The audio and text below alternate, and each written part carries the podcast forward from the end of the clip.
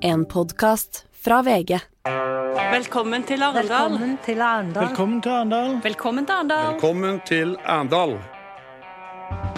Det er duket for den store partilederdebatten i Arendal. Hanne og Astrid er i gang med å polere terningen. Og bare ett enkelt rentehopp denne gangen. Til gjengjeld blir det nytt rentehopp i september, så det er et dobbelt rentehopp med en måneds delay. Dette er Gjever og gjengen. Det er torsdag den 17. august. Og i går så klarte jeg å hoppe over bymuren i Arendal, tok meg gjennom sumpene i Froland med blodhunder på sporet av meg, og kastet meg på et godstog ved Nelaug og kom meg i sikkerhet. Til gjengjeld så kom det en ny fangetransport i Arendal med Hanne Skartveit uh, i går. Uh, han holdt på å si velkommen til Arendal, jeg er ikke der lenger, men, uh, men var det fint å komme dit? Ja, det var veldig fint å komme. Det var veldig fint å komme til huset vårt som vi leier hvert år, Ja. som ligger i en sånn helt passe gangavstand fra byen, så vi får gått litt og rørt oss litt innimellom alt det som skjer. Ikke sant. I går, hva skjedde da? I går var det den store minglefesten. Det var, det var den store festkvelden, egentlig. I går var det var fester på alle bauger og kanter. Så det var mye fly, fri flyt, tror jeg, i Arendal i går kveld. Det var eh, Astrid en viss nervøsitet før jeg dro, at man hadde alle de rette invitasjonene og var rekreditert på de rette stedene, og vi hadde jo en liten flause hvor vi ikke kom inn på DN-festen selv om vi var invitert. Og fikk du retta opp eh, dette i går? Ja, heldigvis så kom vi inn på Mønglefesten, Anders. Det er jo den aller gjeveste festen her i Arendal, der alt som kan krype og gå av politikere, næringslivsfolk, byråkrater, lobbyister, har fått invitasjon. Men det er jo ikke så mange, da, vet du. Det er jo bare noen få hundre som er der. Ja, og det er de samme du har truffet på alle de andre festene du har vært på denne uka, ikke Ha-ha-ha. Jeg traff jo Hanne Skartveit. Det første hun gjorde da hun kom til Arendal, var bare å kaste eh, kofferten eh, opp og sette i gang strykeprosessen, strøyk kjolen sin, og så gikk vi på fest. Bra, da er dere, da er dere i godt i siget, for i kveld så er det altså den store eh, partilederdebatten. Eh, jeg husket i fjor så var det strøm som var eh, den store greia. Hva blir det store temaet i år, tror du, Hanne? Det blir nok eldreomsorg og Melkøya, tenker jeg, som blir det store. Hva tror du, Astrid? Jo, her har jeg jo fått litt insight, jeg har jo snakka med de i NRK. Så jeg, jeg veit at det blir eldreomsorg, klima og økonomi. Og hvilke temaer tror du er Støre mest interessert i? Hvilke, hva håper han skal bli narrativet? Jeg tror innenfor velferd er klart både økonomien er følsomt og vanskelig for han, Melkøya er en veldig kontroversiell sak, så jeg tror nok kanskje at eh, eldreomsorgen er der hvor man på en måte får brukt best av de sosialdemokratiske verdiene, velferd, ta vare på alle, osv. Og da kan han gjøre litt som eh, eh, Erna Solberg beskyldte ham for, skryte av ting som SV har fått gjennom i regjeringen.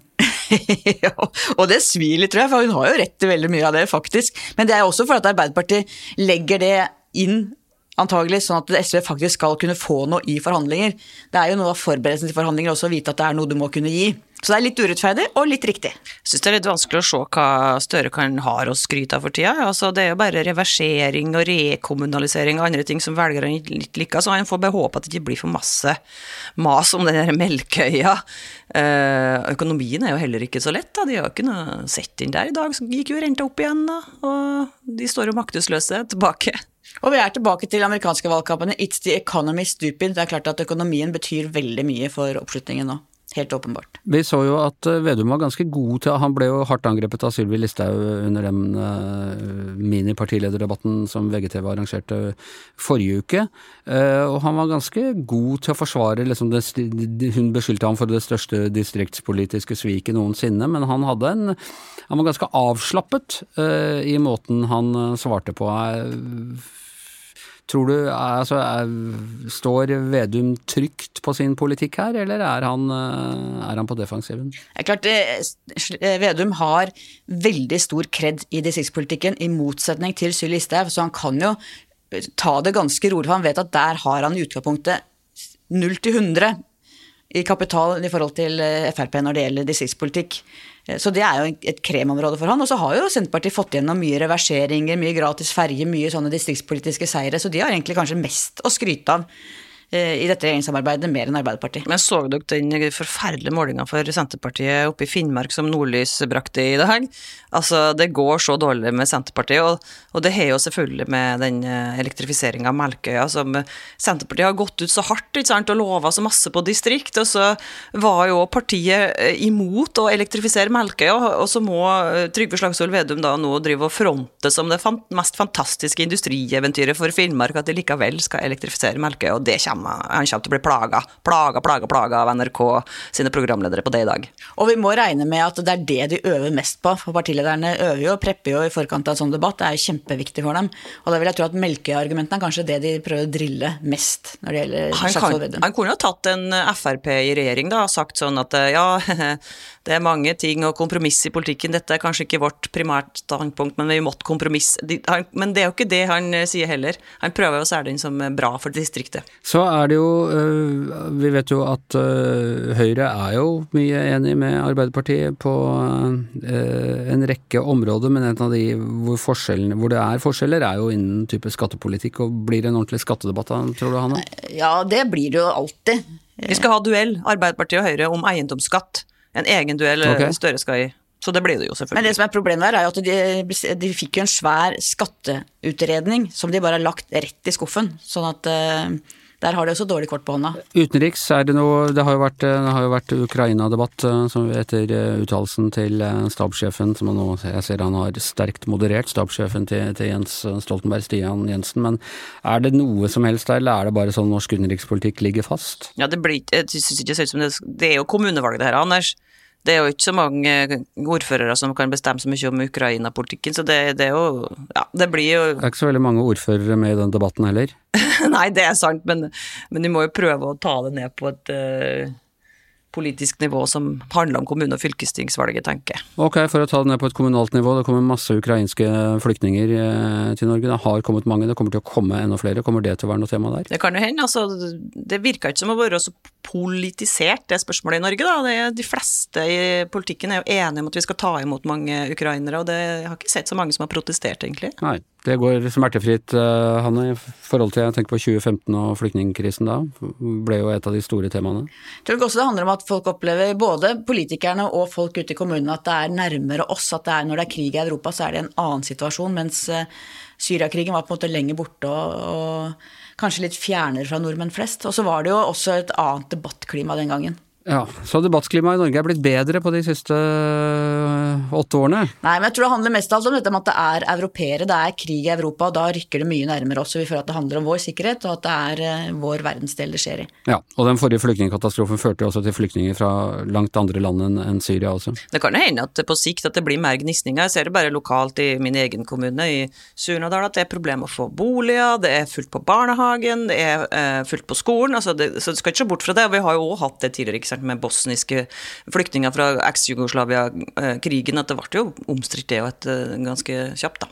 Så ja, hvem vet. Hvordan er det, altså de er, eh, det er jo da eh, rikspolitikere som skal diskutere i et kommunevalg.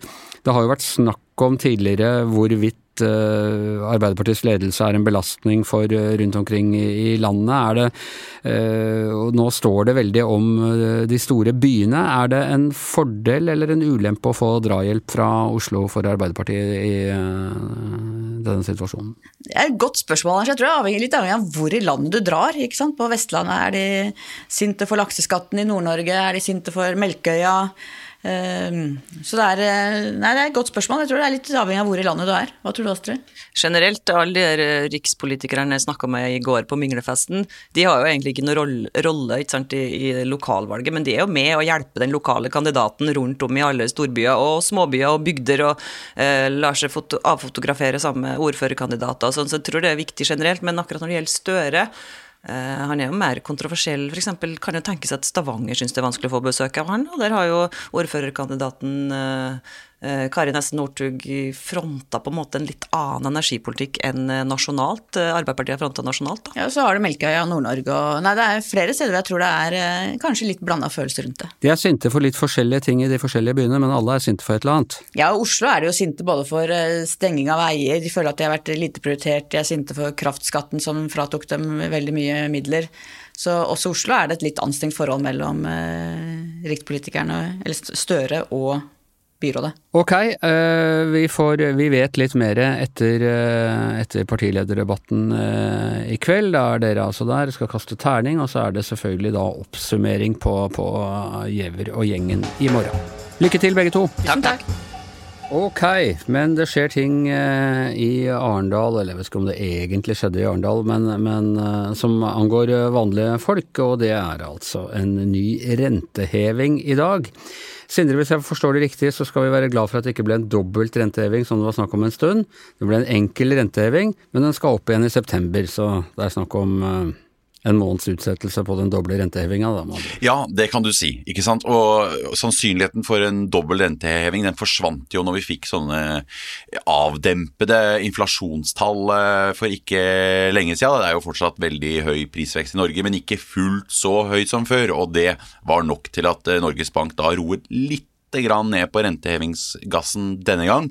Men som du sier, de sier jo i klartekst nå at eh, det mest sannsynlig blir en ny renteheving i september, så da, da vi, dunker vi videre opp da også. Hvor mye delay er det på disse rentehevingene i forhold til hva banken, hva banken gjør, altså på, på boliglånet ditt? Når kjenner du denne rentehevinga som ble øh, offentliggjort i dag på øh, lånet ditt? Ja, Det der er et veldig godt spørsmål, Anders. Fordi eh, den doble rentehevingen vi fikk før sommeren, først nå begynner den å slå inn i nettbanken vår. For bankene har seks ukers eh, varslingsfrist før de kan heve renten, og så tar det jo litt tid før du har neste låneforfall òg. Så egentlig så snakker vi om mange måneders forsinkelser, sånn at rentehevingen i dag, den vil først merkes langt utpå høsten for folk flest. Renteheving i september, da begynner vi å snakke juletider. Ja, den kommer som en sånn julebonus, en, slett. Sånn ubehagelig guffen julegave. Ja, en julebonus fra helvete.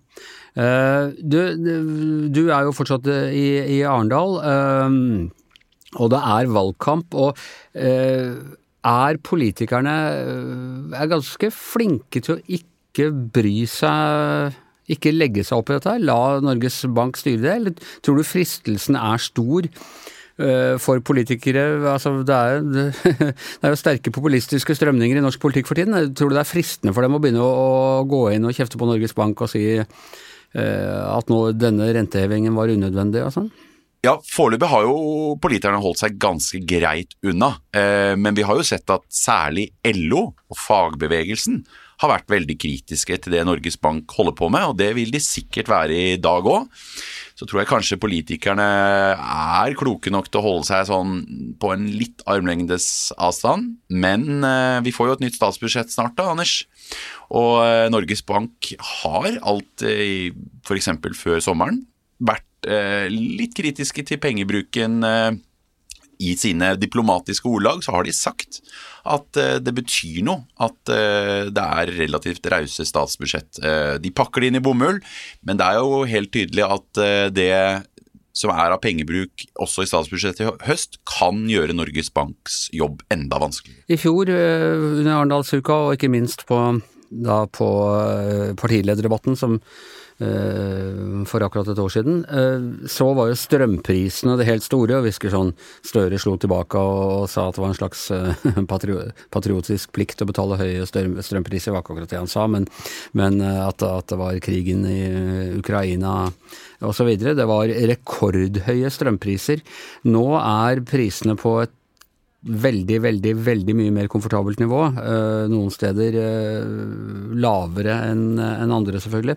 Eh, er det Hva har mest å si, tror du? Strømpriser eller rente i, på kortere sikt? Jeg tror at vi skal aldri undervurdere eh, noe som strømpriser. Vi så jo hvordan det var mye eh, raseri og ganske sånn sammenfallende meningsmålingsfall med høye strømpriser for regjeringspartiene. Og nå blir jo denne strømvinteren eh, etter alle solmerker mye mer behagelig for regjeringen. At det, blir ikke de rekordprisene, det er mye oppfylt i vannmagasiner osv. Men ser vi lenger fram, så vil strømprisene være mye høyere i årene som kommer enn de var i tiåret bak oss. Og det vil irritere velgerne, det er jeg helt sikker på. Og jeg tror mange velgere legger mye mer vekt på at strøm er noe politikerne kan avgjøre. Det tenker velgerne, og det har de jo egentlig rett i. Det er jo mye politikk i det. Mens rente er det nok en større forståelse for at politikerne ikke har så stor eh, påvirkning på. Folk har mer forståelse for en markedsøkonomisk rentepolitikk enn for en markedsøkonomisk eh, strømpolitikk, rett og slett. Ja, ja, ikke sant. Men det kan godt være at dette biter seg til etter hvert. At eh, regjeringen får, kan få litt mer skyld hvis de f.eks. bruker da farlig mye penger i statsbudsjettet 6.10, og at det blir en politisk sak som opposisjonen vil hamre løs på regjeringen på. Det kan godt være skjer. Og det kan godt skje at den eh, hamringa begynner allerede i kveld på partilederdebatten. Og med det så er Giæver og gjengen over for i dag. Husk å se partilederdebatten i kveld, og tusen takk til Astrid Mæland, Hanne Skartveit, Sindre Heyerdahl. Jeg heter Anders eh, og mannen som ennå ikke har klart å flykte fra Arendal og derfor produserer det hele derfra, er som vanlig vår produsent Magne Antonsen.